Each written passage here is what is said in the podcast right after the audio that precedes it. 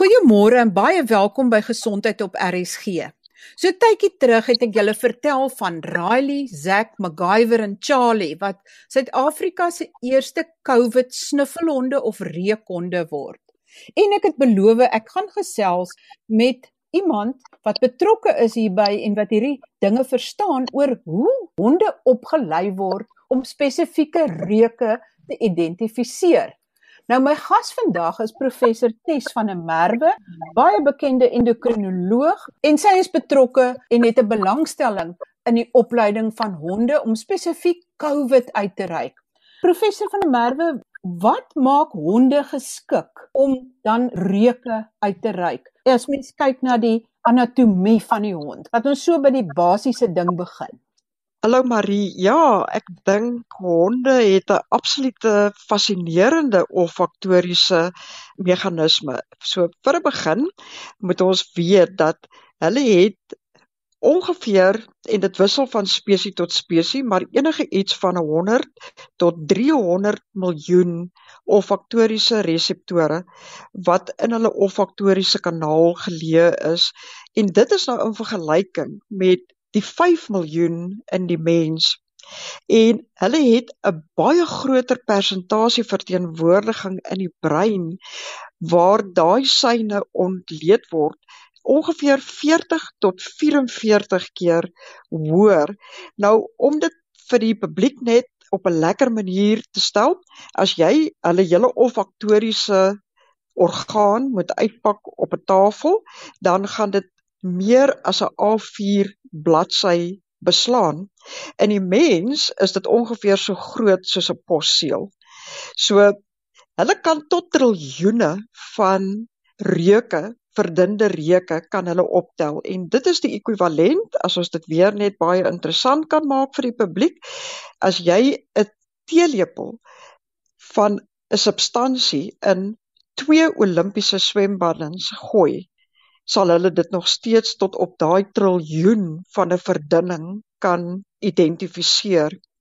Dan het hulle ander geweldige interessante eienskappe. Soos byvoorbeeld, hulle het 'n addisionele orgaan wat verder agtertoe in die neus geleë is wat miskien onder die publiek in die algemeen meer bekend staan as die Jacobson orgaan. Die korrekte mediese terminologie is die vomeronasale orgaan wat spesifiek die chemiese aspek van daai reuk kan herken. En natuurlik, dit is nou waar dit baie belangrik word vir die COVID werk, maar honde het ook ander ongelooflike vermoëns. Hulle kan inasem en uitasem terselfdertyd. En vir julle wat honde liefhebbers is soos ek, julle het seker gesien dat aan die kant van die neus is daar twee sulke uh, splete by alle honde teenwoordig. Daai het 'n baie belangrike funksie. Die een is is dit laat die hond toe om sy neus te wikkel, rond te wikkel. En dit gee vir hulle die vermoë om 3-dimensioneel te ruik. Met ander woorde, hulle kan vir jou onmiddellik sê daai reuk het gekom van die voorkant af of dit het gekom van agter af of van die kant af of selfs van bo af. Die ander ongelooflike unieke vermoë wat honde het is as hulle kan ruik in tyd. Nou van die mense wat honde liefhebbers is. Ek weet nie of julle al gesien het, jy vat jou hond vir 'n lopie en dan begin hulle 'n reukbeek kry. Dan hardloop hulle bietjie vorentoe en hulle ryk en hardloop hulle bietjie terug en hulle ryk en hulle hardloop weer 'n bietjie vorentoe terug op dieselfde paadjie op en af. En wat hulle daar insamel is inligting wat tydsgebonde is. So hulle het daai ongelooflik vermoë om onmiddellik te weet 5 minute terug het my baas op hierdie plek verbygeloop of nee, dit is dalk langer as 5 minute, dit reik meer soos 'n uur gelede wat my baas hier verby is. As jy inkom en hulle begin jou ruik, dan kan hulle onmiddellik ruik van die chemikalieë wat hulle kan optel. Was jy in 'n aggressiewe omgewing, was jy in 'n vriendelike omgewing, was jy in 'n omgewing waar daar ander honde betrokke was, Was jy in 'n omgewing waar daar dalk 'n kat uh, betrokke was? Het jy gaan inkopies doen? Het jy dalk 'n snoeperytjie iewers naby? Hulle vermoë om reuke op 'n chemiese vlak te identifiseer is iets wat baie baie spesifiek voorkom in die hond en wat glad nie teenwoordig is in die mens nie. So dit gee vir hulle iewers tussen 'n 10000 en 'n 20000 voudige hoër vlak van identifikasie van reuke as wat jy in die mens sal kry en dit is hoekom hulle sulke ongelooflike diere is.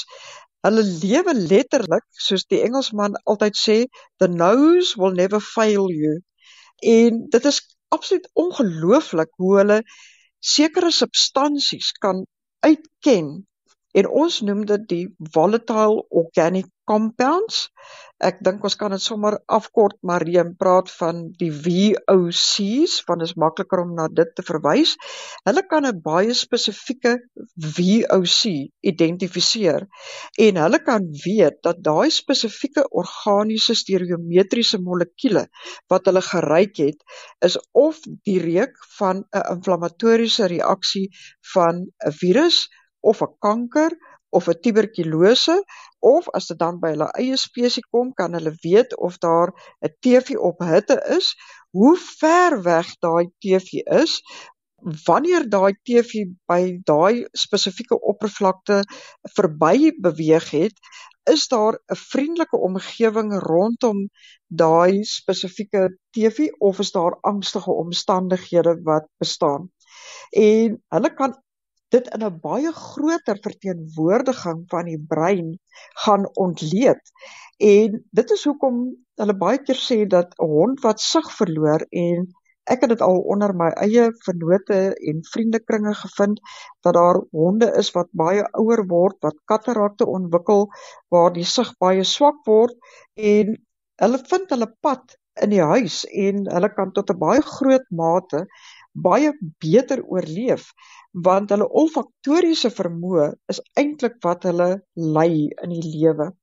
Natuurlik, ja, as die oë bykom, dan word hulle buitengewoon uniek, maar hulle eerste prioriteit waarvoor hulle gekweek was en waardeur hulle geëvolusioneer het, is hulle olfaktoriese vermoë wat absoluut ongelooflik is. Sjoe, ek wens amper 'n mens kan soos 'n hond ruik. Dit sal hom fantasties gewees het. Maar as jy sê hulle kan onderskei tussen sê maar 'n virus versus tuberkulose. Hoe kry hulle dit reg? Dit is daai wat ons noem die VOCs, die volatile organic compounds. Nou, as jy 'n virusinfeksie het, dan gaan jou liggaam op 'n baie spesifieke manier reageer in terme van die inflammatoriese baan. Ons het al voorheen daaroor gepraat, Marie, dat sekere inflammatoriese molekules word afgeskei wat baie uniek is, sê maar byvoorbeeld vir die COVID-virus. As jy tuberkulose het, word 'n baie spesifieke inflammatoriese molekuule afgeskei. En ja, natuurlik, as jy wil hê die hond moet dit spesifiek kan identifiseer, dan moet jy deur volg met 'n opleiding. So al wat die hond vir jou sal kan sê as hulle onopgelei is en ek weet nie of julle dit al gesien het nie, ek het dit al met myself gesien. Ek het eendag my toon gestamp, Marie, en ek het 'n redelike ernstige infeksie ontwikkel rondom dit. En my honde, al ag van hulle, wou gedurig teruggaan na daai voet toe. Hulle het geweet iets is verkeerd daar.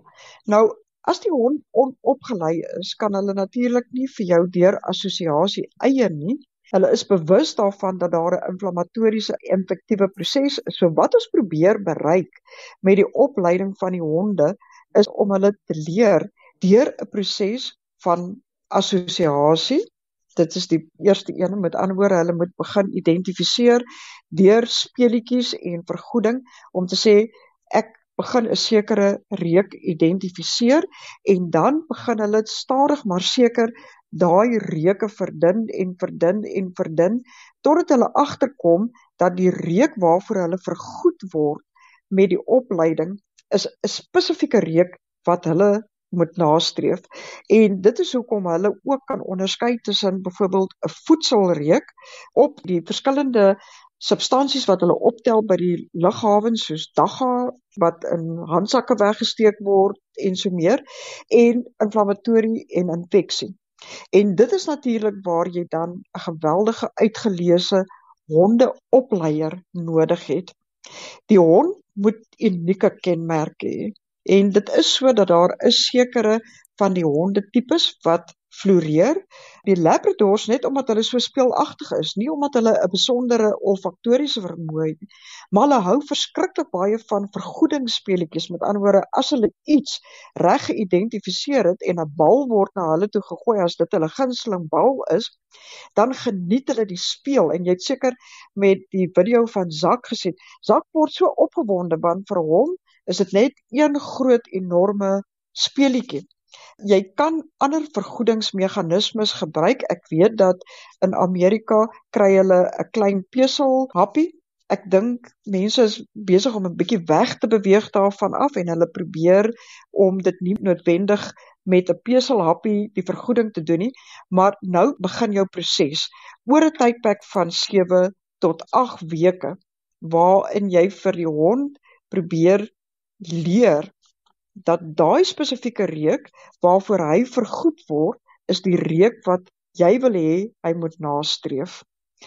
Wat ons gedoen het in ons hospitaal is is ons het pasiënte wat erg geïnfekteer was met COVID gevra om goedgunstiglik vir ons 'n T-hempie te dra. Party lande sit hulle self sokkies by ons anatomiese patologie span het gedink dit wat hulle kan kry uit 'n T-hempie is meer as genoeg. Ons vra vir hulle om daai T-hempie uh, te dra want in die sweet van die mens gaan hierdie VOC's tot 'n baie groot mate teenwoordig wees. Met ander woorde daai spesifieke inflammatoriese reaksie wat veroorsaak word deur daai COVID-infeksie word dan opgeneem in die sweet. Dit klou aan die T-hempie vas. Die T-hempie word dan onder streng higiëniese maatreëls verpak en deurgestuur na 'n laboratorium waar iemand wat 'n betroubare viroloog is, dit onder die regte kondisies sal uithaal en opknip in klein stukkies lap. En daai stukkies lap word dan in 'n glashouer geberg en geseël totdat die hond dan begin met die opleiding. En die hond word dan stelselmatig aan minder en minder uh gekonsentreerde reuke blootgestel. Nou wat ons wel uitgevind het met die honde en ons het dit hierdie keer ook gesien dat soos die lappies gestoor was oor 'n tydperk van 8 weke, het daai VOC, die volatile organic compound, het begin afneem met tyd. Nou natuurlik is die groot voordeel wat honde het is is COVID is al in honde vir baie baie dekades teenwoordig. Hulle het 'n natuurlike immuniteit, maar natuurlik ons wil nog steeds nie hê ons opleidingshonde moet siek word nie. So ons steriliseer die glashouer waarin daai stukkie materiaal geplaas word en al wat hulle hoef aan te ryk is net die rand van daai glashouer. Hulle kom nie naby aan die klein stukkie lap wat onder in die glas lê nie. Maar soos die tyd aangaan, gaan hierdie VOC se konsentrasie afneem, maar die hond se vermoë om in daai Jacobson orgaan daai spesifieke chemiese reaksie reuk vas te lê, word al hoe sterker en sterker soos hy geleer word deur 'n proses van assosiasie. Professor van der Merwe, hoe akkuraat kan hierdie honde werklik waar COVID uitreik? Met honde wat besonder goed gevaar het soos byvoorbeeld met Riley. Riley identifiseer op die oomblik enige COVID met 'n amper 99% akkuraatheid. En natuurlik ons het dan ook die placebo glasvliesies. Met ander woorde, ons sit die presiese 'n uh, T-hempie wat opgesny is wat nooit blootgestel was aan COVID in van die ander glashouertjies en dan gaan die hond natuurlik identifiseer dat hierdie 'n placebo glasflessie is en die ander ene identifiseer die reuk. Nou wat nogal interessant is, as jy kyk na die PCR toetse wat gedoen word vir COVID in die laboratorium, het ons 'n sensitiwiteit van om en by 92 met 'n spesifisiteit wat nie veel hoër is nie, miskien in sekere uitgeleese laboratoriums hoog as 94% ons vind dat die spesifisiteit in die COVID honde, met ander woorde, die vermoë van die hond om baie spesifiek te kan identifiseer dat dit COVID is en niks anders is as COVID nie, is amper 99%. So spesifisiteit is onbeskryflik hoog. Hulle sensitiwiteit aan die begin as hulle begin met hulle opleiding is om en by 86 en dan soos die hond se opleiding vorder, verbeter dit na so hoog as 96 97%. So hulle het 'n amper onfeilbare neus en olfaktoriese vermoë om daai spesifieke volatile organic compound stereometries te identifiseer in daai Jacobson orgaan. En hulle kan dit in sulke verdunde en sulke verkleinde hoeveelhede optel dat ons selfs geëksperimenteer het waar ons pasiënte gevat het wat ingekom het wat al 2 weke uit die intensiewe eenheid was en streng gesproke net minimale hoeveelhede van hierdie virus uitskei en hulle kon dit nog steeds identifiseer. Dit is interessant op hierdie stadium Marie weet ek ons, ons nog nie of hulle 'n totale asymptomatiese draer kan identifiseer nie. Maar as daar die kleinste, die mees geringe volatile organic compound is verteenwoordigend is, van 'n COVID-infeksie gaan hulle dit met 'n ongelooflike hoë akkuraatheid identifiseer. Is daar enige aanduiding dat hulle dit soos jy nou sê jy is nog nie seker of hulle asymptomaties nie, maar pre-simptomaties dalk kan identifiseer en jy sê tot omtrent 2 weke nadat die een al herstel het. Op hierdie stadium het ons al geëksperimenteer tot op 2 weke. Dit wil vir ons voorkom asof 'n totale asymptomatiese draer moeiliker gaan wees om te identifiseer omdat hulle nie 'n inflammatoriese reaksie het nie. Maar al is jy pre-simptomaties, kom ons praat liewer van die inkubasie tydperk. Want kyk, dit is jou gevaarlike tydperk. Dit is wanneer jou boet vir jou kom kuier en hy weet nie hy het COVID onderlede nie.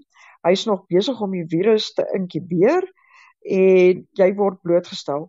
Daai fase, daai inkubasiefase sal hulle sonder enige twyfel kan identifiseer want daai eerste inflammatoriese reaksies en daai eerste stereometriese chemiese veranderings het klaar begin plaasvind in jou liggaam. En onthou wat ek vir jou gesê het hulle kan reik tot op 'n triljoen van 'n verdunning. Maar dit is vir my amper onbeskryflik hoe akkuraat hulle is is hierdie honde wat nou hierdie eerste spannetjie wat nou opgelei is.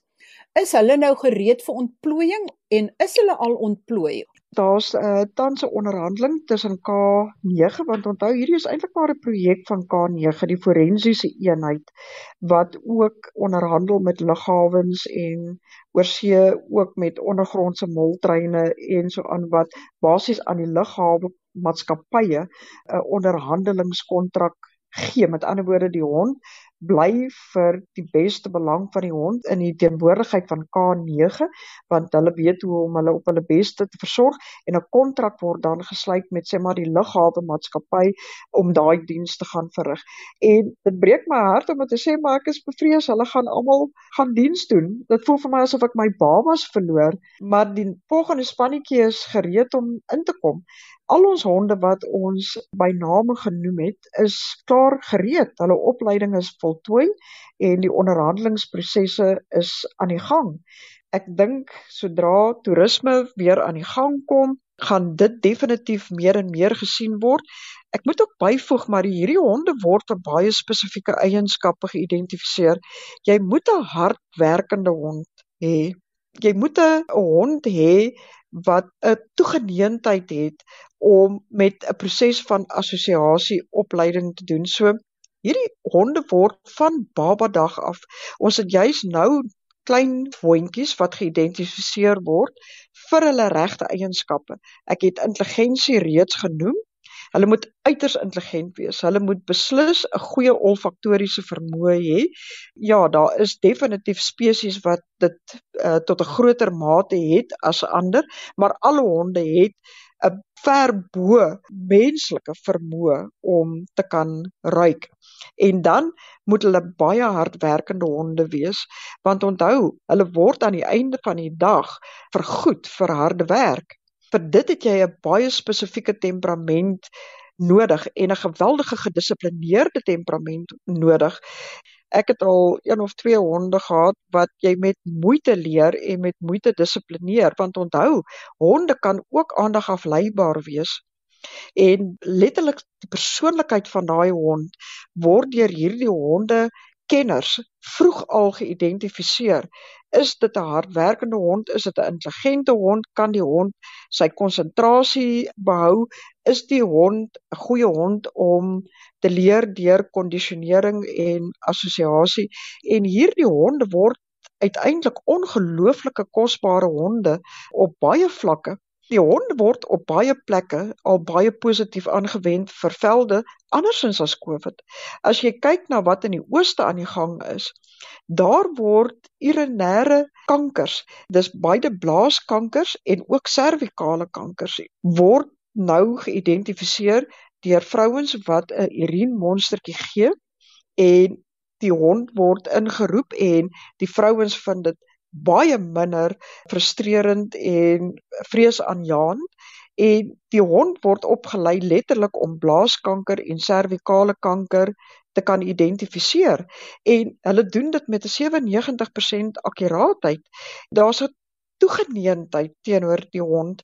Daar's baie werk wat in Amerika gedoen word op die oomblik waar hulle gewys het dat eintlik vind mense dit baie minder vreesaanjaend en angstig en stresvol om amper kan ek dit maar so stel deur die hond ondersoek te word as 'n eerste stadium. Ja, natuurlik van daar af gaan hulle na die dokter en so meer, maar omdat die hond nog altyd mense beste vriend was, is daar 'n geneigtheid vir 'n baie groter toeloop van mense om te gaan vir daai tipe van siftingproses. En dan word daar natuurlik baie werk gedoen op die oomblik met epilepsie. Uh natuurlik kan jy jou indink as 'n hond 30 minute voordat daai epileptiese aanval kan kom, sekere chemiese substansies kan uitreik, dan kan daai epileptiese leier gewaarsku word om na 'n plek van veiligheid te beweeg of selfs om op te hou om te bestuur dit dien letterlik as 'n waarskuwende teken vir die epilepsieleier en hulle maak ongelooflike vordering op daai veld. En weer eens dit is daai VOC wat deur die neurologiese eindpunte afgegee word wat 'n sekere chemiese reaksie veroorsaak wat hierdie honde in hulle Jacobson orgaan kan identifiseer. En dan natuurlik ons weet al die storie met die diabetes is al lank in proses. Hulle kan uiters lae bloedsuiker identifiseer hulle kan 'n uiters hoë bloedsuiker identifiseer nog voordat daai pasiënt in 'n totale koma verval. Daar selfs van daai honde wat nou opgelei word om 'n alarmknop te druk sou hulle sien dat hulle eienaar in die moeilikheid kom. Met ander woorde, hulle identifiseer sê maar 'n hipoglikemiese koma wat besig is om in proses te gaan. Hulle weet dat as hulle dit ryk, moet hulle na 'n sekere knoppie toe hardloop en hulle voet herhaaldelik stamp op die knoppie. Nou, hoe ongelooflik is dit? Hoekom word dan nie nog meer van honde gebruik gemaak om hierdie reuke te identifiseer en om die mens te help nie. Want ons het gesit en slaap, Marie. Ons het niemand om te blameer andersins as onsself nie. Ons het rondgeloop met 'n misplaaste waan oor ons eie vermoëns en nie rondgekyk na moeder natuur om te kyk waar is daar ander moontlikhede en ek het die ander dag gesels met 'n vriend van my wat 'n hawe het vir honde wat nie eienaars het nie. Hulle kan nie versorg word nie. Daar's nie inkomste wat inkom nie. En dit is nou eers dat ons as die publiek begin wakker word en sê maar daar's fantastiese honde wat weggegooi word deur hulle eienaars wat kon gebruik gewees het vir opleiding om letterlik vir hulle self 'n werk te skep. Ek dink ons gaan 'n groter tekort hê aan menslike opleiding as wat ons 'n tekort gaan hê aan geskikte honde, maar daar word ook in baie opleidingssirkels word daar nou baie aandag daaraan gegee. Ek weet dat daar is uh, plekke in die ooste waar hulle byvoorbeeld nou colleges het net vir opleiding van honde waar hulle letterlik mense oplei om honde op te lei. Tess, as jy 'n boodskap het vir die luisteraars oor die honde, wat sal jou boodskappe wees? Wees baie lief vir jou hond as jy een het. As jy nie een het nie en jy wil lief wees vir 'n hond, gaan neem asseblief 'n hond aan wat moontlik 'n toekoms kan hê. Maak kontak met mense wat vir julle hierdie ondersteuning kan gee, dat die hond opleiding kan gee, dat ons inkomste kan verdien vir daai honde, dat ons hulle kan versorg na die beste van ons vermoë. This is truly that moment when it's man's best friend. Ja, honde bewys keer op keer dat hulle inderdaad die mense beste vriend is. Luister volgende week weer wanneer ek verder gesels met professor Tes van der Merwe waar sy vir ons vertel hoe selfs dokters sekere siektes kan ruik. En sy vertel ook dan van haar ondervinding om baie siek COVID pasiënte in 'n waakeenheid te behandel. En sy beskryf die ondervinding as hartverskeurende. Skakel dus volgende week weer in op gesondheidsake. Baie groete van my, Marie Hudson.